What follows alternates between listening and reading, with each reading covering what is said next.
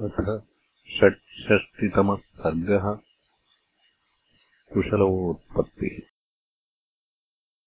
यामेव रात्रिम् शत्रुघ्नः पर्णशालाम् उपाविशत्।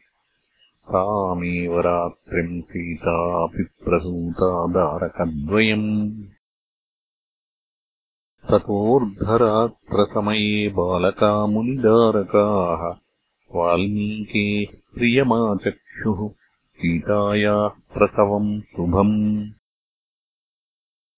भगवन् रामपत्नी सा प्रसूतादारकद्वयम् ततो रक्षाम् महातेजः कुरु भूतविनाशिनीम्।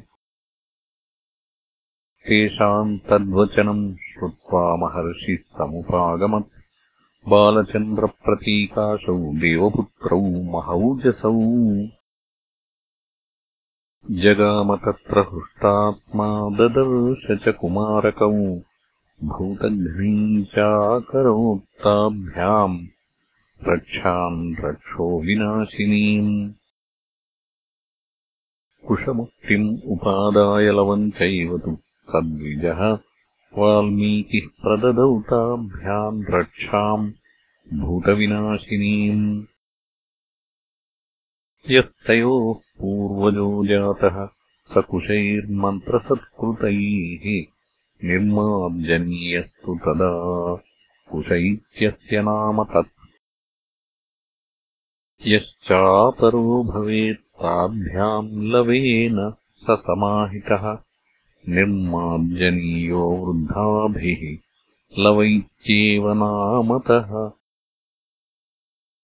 एवम् कुशलौ नाम्नाता उभौ यमजातकौ मत्कृताभ्याम् च नामभ्याम् ख्यातियुक्तौ भविष्यतः।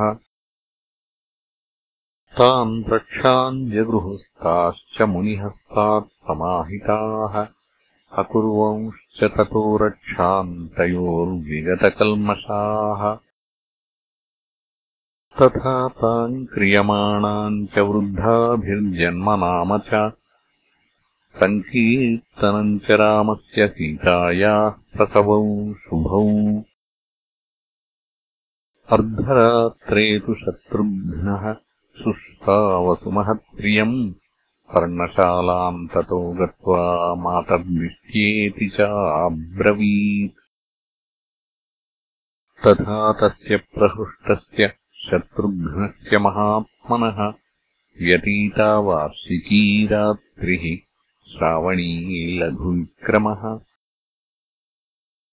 प्रभाते सुमहावीर्यः कृत्वा पौर्वाह्निकीम् क्रियाम् मुनिम् प्राञ्जलिरामन्त्र्य ययौ पश्चान्मुखः पुनः।